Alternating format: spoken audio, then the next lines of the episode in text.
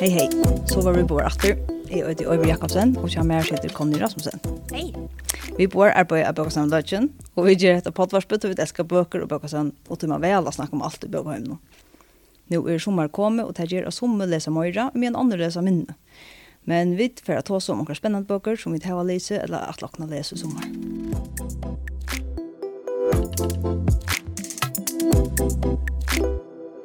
Thank. Hette er ikke en kansang som jeg at man leser nast, og som jeg er øyelig spent på at lesa. Så at høyt i bøkene, som øyne første ischink, er helt øynestand an gau, så jeg gleder meg at lesa hinner øyne. Ta vinnerne av skrivekapinsjene var funner og kundgjørder av Mettnervikene, vorste det seg at Kim Simonsen vant første virslønn vi iskinkene, lufrøylige sammensettingen og en dråpe av havatene, minner om blå i munnakron. Er virslønn til å var Janna Mortensen som vann vi iskinkene, ikke, ikke er iskinka, iskinka det nå. Og så var det en særstøk virslønn til ungt folk, og viste særlig gau evner og øyne leten, og det var leten til Anita Godmundarsson, vi er fyrir iskynskina klivplanta.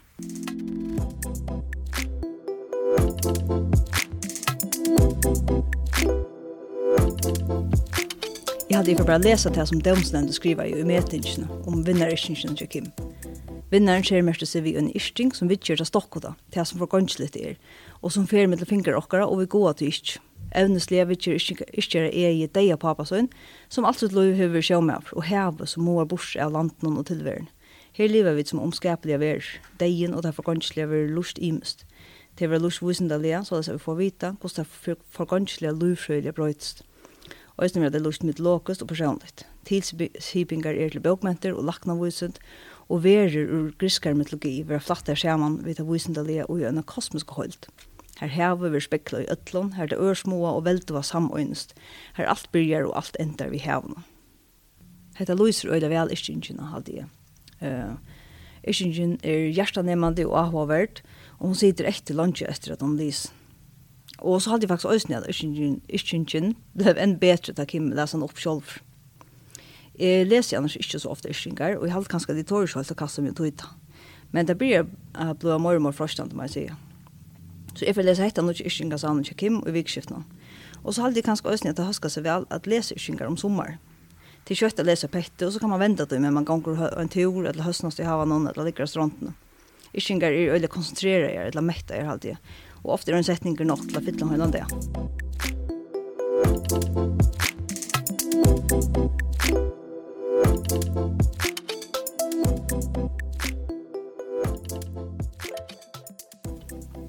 Jeg leser et annet Yshingasand det var, og det var et dansk Yshingasand som heter Nye Balanser, til Erik Kaspar. Uh, det var nekk tå som heter Yshingasand, som har underhøyde handikappdikte. Jeg hadde bestemt oss at Erik Kaspar vann en virsløn for heter Yshingasand. Uh, Ritthunderen hever sjolver cerebrala parese, og Yshingasand handler nekk om det, etter at livet i sin heim noen, og vi har noen kropp som er ørvis. Hvordan kjennes og følelser til sugesettan og i ankerføren og ut i hørsta. Hette gjør han vi kjempte og olvara, Og det var et øyla avhåverst opplevelse jeg slapp inn i høyde av høyndene, og så kjanser vinkel og tankar om høyter. Så jeg får avgjørs av vimmelatikken til å lese Nudja Ishingasan til Kim Simonsen, helt sikkert. Det er ferdig. og så hadde jeg også at Ishingasan til Erik Kasper, nye balanser, handikappdikte, er verst å lese om du har først ikke vanskje om knøren enn det, og lære om Louis og Erbjørn kan ikke gjøre. Det er blod man helt sikkert klokker, ja.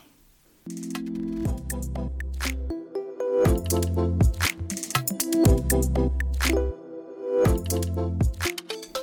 Dette her er en ungdomsbøk som jeg vil prate om, og hun er altså rettelig syrkelig, men også stortlig, og jeg leser henne for noen måneder siden i Don Jan Orla Vel. Hun er Comedy Queen, og det er Jenny Jagerfeldt som har skrivet henne. Og er hun ensk, eller hva? Nei, hun er fra Sverige. Å oh, ja. Og um, hun er salafrøyngur, Mm. Uh, ja. Ah, okay, cool. Så hon skriver om sorg. Hon skriver en ära bok som heter um, Her litt er bløye, som mm. øyne gir om kjensler og oh, ja. ung som strøyest. Så det er tver kjenner omsettet først? Ja. Hon halte jo, fikk hun fra en bokapris for jonkron. Jeg minnes ikke hørt det, men det var ikke nøkker av helt nye bøker nå. Nei. Um, Sasha Rein er et år, 12, og hun vil være stand-up-kjemptere Hon finner upp på och då får folk att flänna och hon får upp på paddlarna framföra för öron. Men uh, hendan bøkjen er ikke om en unga jente som hever en dreim om å være kjemptare. Hon har gjort en lista som hon må og skal fylltja. Du, hon vil ikke være som mamma sin, som tog lov i av seg for stotten. Sasha og papen sakna henne og standa etter vi spurningon og røyna at livet gjøkken sorgsina. Sasha dår ikke at uh, handfæra kjenslene og hun heldur at hun kan iveleva ved å fylkja listan hon og ikkje vera som mamma sin. Hon døy vi kjenslene ved å fylgja hesen listan som, som hun er skriva nyer. Hun røyner å få kontroll i sorgsna vi har gjøre pura motsatt hva mamman domte. Mamman elskar naturerna, så Sasha, hon damer ikkje gengen naturen, hun fyrir ikke i skoen, hun fyrir ikke gengur tur. Mamman elskar jeg at lesa, og Sasha kjer av at hun damer ikkje bøker, hun fyrir ikke lesa. Og mamman hei lengt vekkurs tar, og, og Sasha klipper sutt tar av.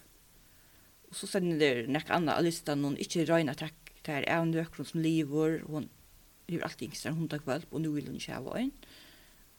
Hun seg ikkje og negv, fer bare i lit føver klæger, og vi er en, en uh, comedy queen. Mm. Vi brukar allt det her av listan hun, så fyrir hun da klara det, heldur hun. Mm. Så fyrir hun ikke være som mamma, så fyrir hun da ivelliva. Mm Ja. Så vi og vi meknar Sasha at slike er av listan om en papjennare, som han ikke vet om listan, i sturen om han at det heter ikke normalt kjønn er jenta drekk alt har i av, og lett seg i lit føver klæger, og kjemtar atla tøyner atna mamma sinne deg, og hun nok der a prata vi nekran om sorgsina, hun kjemtar, sier for jeg grata. Hun vil ikke grata, hun vil ikke prata om mammana, og hun krekvar sorgsina. Personene ser sera vel skriva i er bøtjen i stuttelig skriva, men lyser øysen de allfevnande sorgsna i øyn man elskar døyr. Man ser øysen i midten linjene er hvordan Sasha Røyndra krekva sorgsna og hvordan hun strøyest. Du hva for henta om hun klarar alt av lysta noen? Bøtjen Comedy Queen er øysen gjør til film og vann en filmprys. Hetta er en virkelig sjarmerandi og stuttlig bók, men hon er også rævliga syrkelig. Hun skifter i mittel kjenslene og er om at finna en måte at liva vi sorgene, men ikke på en, uh, en sunna måte.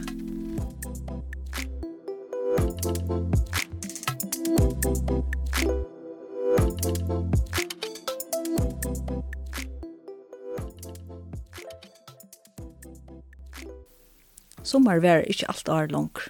Heiti nu skal så til Katrin Oftarsøtter. Henta skal så er et uh, sjálfstøvet framhalt av skaldsøvn og jentene verene, som Katrin gav ut i 2020. 20, 20, ja. Så var han för framme i havn, og vi skal jo så under og fjersen Gentan er veren gong nå i studentaskole i Høydalen, og røyner av seg til Vaknamann og Løyve, og i Løyve er høyma, her dianer og nætnar er mestare og eldskikløyga. Og hun er ved lantarmal som han kjumma vidt om. Etter en skaldsøva, og er altså fiksjon, men etter òsne av mynd som har ekko fela ved Løyve til rytemandon og i ungdom i henne. Jeg er just livet skaldsøvna, og jeg må si at jeg halte han å være avbrøy gau.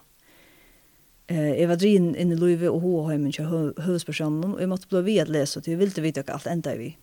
Det var avhårt å lese om en utgave av Torsan og för, och under Jönsson Fjersen. Og det var näkt som virkar öjligt kjent. Skalsson är särskilt välskriva och döper och till tog är också honalig. Kjallt om... Eh, sommar var ikke alt er langt er et kjølstøve framhold, så vil det melde til at man leser jentene verene først. Det er alltid man får morgenvangser vi ta, og en, en bedre bakgrunn til å velge skiljes unge gentene. Det er en fantastisk god bok om et bad som har vært jøkken alt og nek, men som føltes her lukket. Her er flere ommelder av bøkene i bløvene. Arnbjørn Dalsgaard har skrivet åt, og Marne Jakobsen har røstene åt, det sånne sunnen blodtjø. Så det kan man fære lese hvis man har lese mer om disse bøkene. Men det er litt avgjort vimmalt at man leser hissa på bøkene der utrolig gøyere, og vi satser største på at det kommer en trojer, øyne. Mm. Her som man finner til hva henter til jentene uh, i verden. Ja, i verden, hun kommer til Danmark og hva henter ta. Ordentlig gøy, ordentlig gøy bøk, så vil jeg avgjørst vimmalt øtlande lys, faktisk.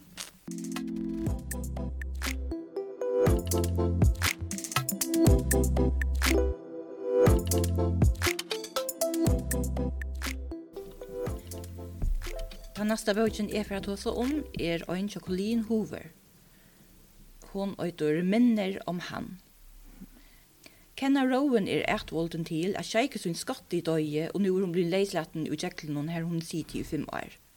Hon åtte døtte tar av DM i Jeklinon, og foreldrene ikke skatt i tøkene til sin, og hon gjør unga de sidene. Nu fikk henne at til bojen her alt hente, for jeg sykja døtte sine, men foreldrene ikke skatt i vidt ikke er at hun kommer. Ledger Ward var beste vi vimmeren til Scotty og var i sin grann igjen, sier Og han er grann til foreldrene til honom, til Grace og Patrick foreldrene til Scotty og lytte døtrene.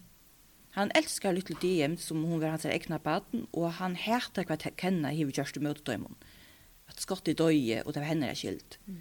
Det har unga de møtt hver annan, men han vånar at han aldri fyrir å komme til byen. Du, han var ikke hva han kan finne på å gjøre da, hvis hun kommer. Av til vil møtast uh, ledger og kenna, og av til ikke vite hvem hin er blir at det drien ak hver nøren. Men uh, ta i ledger finner ut her hvem hun er, blir han i øyene og forar henne ui at uh, møta DM. Og han avverar Grace og Patrick, foreldrene ikke skatti, at hun kom nattor. Han vil refse henne ved å takke DM fra henne. Hon tok skatti fra tøymon, og han helde DM fra henne. Og i mian struis kenna for jeg byrja av nudjon, og vi sina ringar samvisko av anlukkene har skott i døye, og at byrja for eldrene John om at sutja døttrene om fyrirgjeving. Kvenn det skriver hun brød til Skotti om alt møvlet, men øysen om sina sorg om å missa han om henne er skuld. Spekliga var hennes ledger å kenna er øysene kjedd om hva det er hent, og hun øysen sier ikke for Skotti. Og han veit ikke alt om hva hent i vanlukkene og hvor kenna gjør det som hun gjør det. Det blir jeg fettla for kvinnen øren, men letje vi øyt ikke hva Grace og Patrick vil si, at han løgnlige gonger saman med kvinnene som tøk såntara fra døymon, og vil sutja dette syna som de fostra, og som er den øynasta som de har etter av honom. Colleen Hoover skriver fantastiska bøker om kærløyga, tvistøver, om løntamal og kjensler. Bøker henne er heimskjentar og isera vel om der mittel ung og young adults. Menner om han er en hjertakjærande gau og syrkelig bøk, om uh, sorg, skuld, hætter og kærløyka og fyrirgjeving. Og hun ser vel skriva og lyser så vel kjenslene til å kjenne og ledger om sorgene og kærløykan og tvistøvene i middelen deg. Altså også uh, enemies to lovers? Ja. Var, det var, ja. ja. ja. Mm -hmm. Og det er øyet hætta kvinnerne, men det blir forelska seg i hver øron.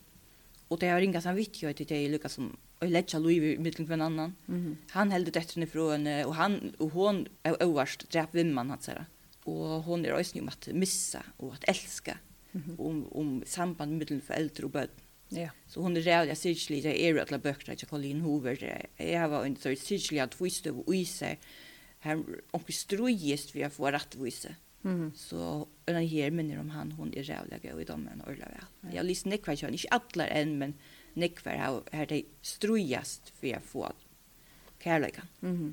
Det er øde populære at lære til ja, her. Ja. Vi tar nekker enskene i åsene. Å ja, det er, jeg har Ja, det er vel langt der.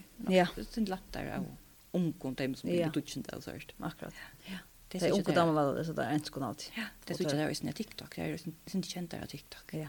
Jag anbefaller läsa ordliga. Ja. Hvis man vill liksom grata sin till level till hjärta. Ja. Så händer han ordliga. Han har ganska gott att vi i Havan något för nu sommar eller kat. Ja, vi lånar att ordla. Vi lånar att. Ja. Grata nu i handkläder och sånt. Ja. Cool. All right.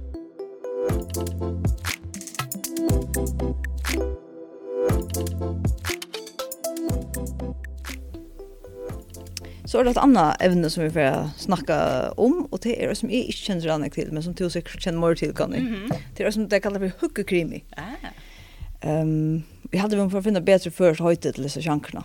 Hukkekrimi. Mm -hmm. Hun, det er hona krimi et eller annet. Nei, det er bare så kjør det. Nei, det er det cozy crime, enn skal man si. Mm.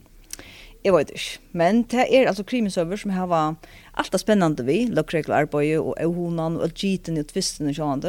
Men her er ikke sånn jeg ble, og ikke utpensleier drapsdetaljer. Det er nek som damer vel hette, og halda at det var mer spennende hos han som om omkvarve og personer og oppklaringsarbeidet, enn det er ordentlig vemmelige detaljerna som sommerbøker har vi.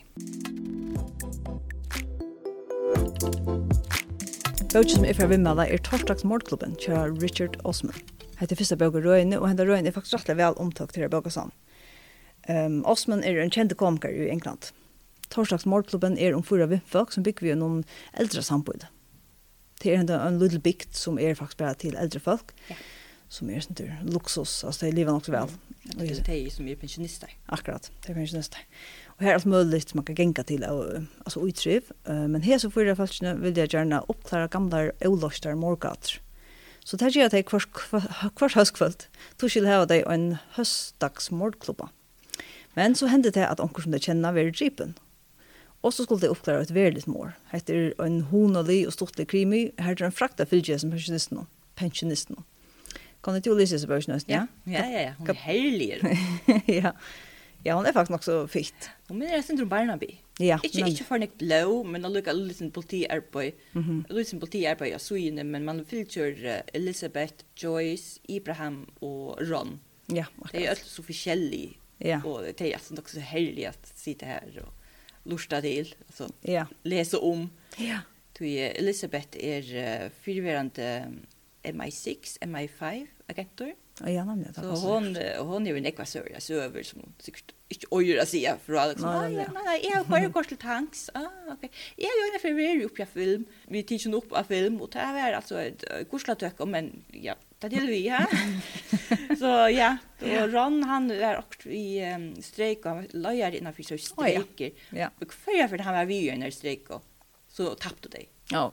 Han Alltså jag kommer stola till kon. Och så ja, nej vi tappade då. Nu för att lära på så. Okej, ja. Du minns alltså väl. det minns alltså så. Joyce hon är en fitt sjukgymnastister och hon är naiv. Ja. Prövar att finna data internet mot dem i sätt nästa hon för naiv till att skilja att männen är vilja alltså också. Anna Gaton. Oh, ja, en har och Ibrahim är salafröingur och är allvarliga men. Ja, akkurat. Så alltså det här verkliga helger. Ja. Sint Barnaby eh Badi hotell, hotell mm -hmm. liknande. Mm -hmm. Och tryggja bøker kom der ut. Og jeg vet han fjøra kommer ut i september. Han gjør det alltid ut i september. Ok.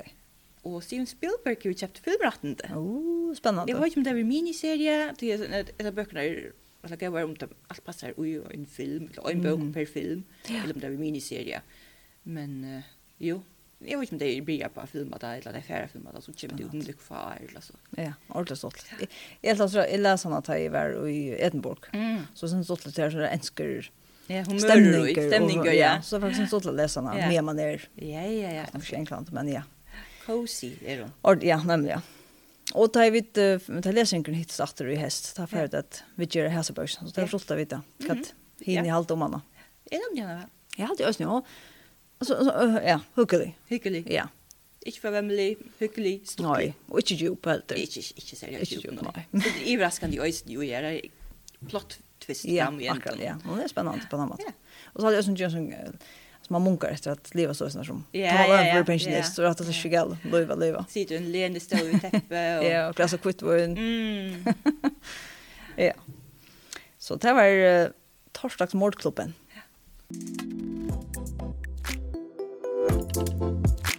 Ehm, um, nu vill jag ta så om uh, två barnaböcker, alltså två i röd som uh, jag og du har Lise. Mhm. Mm det er ikke ofte at vi läser det samme. Nej.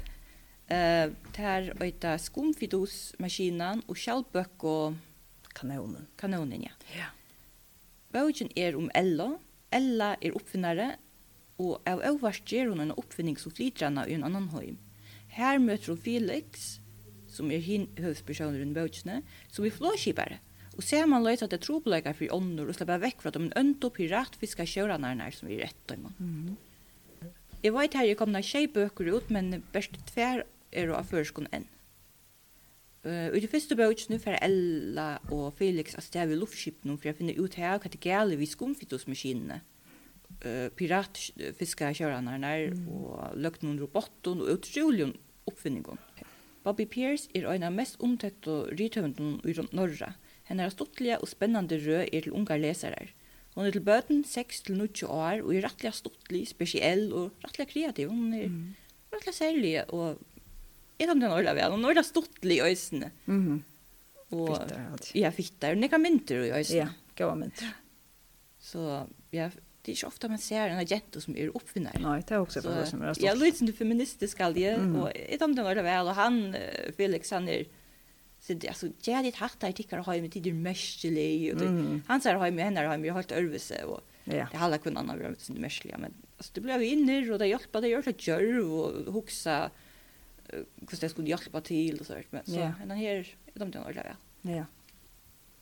Jeg har två bøtten, og Anna Dronkren er 6 år, og Jentan er 8, og de elsker bære hese bøtjene. Så jeg pleier å lese det, eller jeg har lyst til å lese på fire damer. Och det är Helis Taelis i ära. Da var det ordentligt spent på åra. Hina østen, så det var stått litt. Ja. I allt det där vet Utan ordentligt väl. har annars spurs ett om nästan nu. Alltså när kommer tror jag får ut i halt i har försprång från att det kommer ganska utsättande. Ja. Men eh, pena vinter, stortliga söver. Ja. Ja. Utan ordentligt väl. Jag anbefaller en ordentligt till böcken. Ja. Jeg håller oss ner. Jag har fengt det ordentlig. Det var spännande just. Ja. Så det er det. Hatt det vært, hvordan sier du der ute? Skumfotosmaskinen og... Og kjallbøkkanonen. Yes.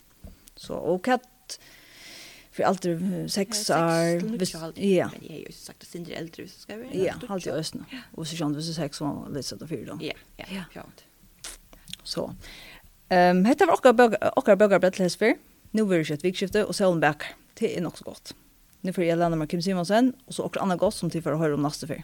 kan jag förstå det nästa fyr, kan ni jag läste ju en bok nu som är nog så fattel sin fyra Emily Henry. Jag skriver en bok som jag döpte och älskar när hon har kommit ut av Movipo. Ja ja. Och jag läste nog snack om det alltid i livet gärna kvöld kanske eller morgon. Er det en ens vid uppsilt? Ja. Vi Yes. Den och i veckan nu hon kommer sig från några få veckor. Ja. Fantastiskt. Ja. Men vi tar oss nästa vecka. Bye. Bye.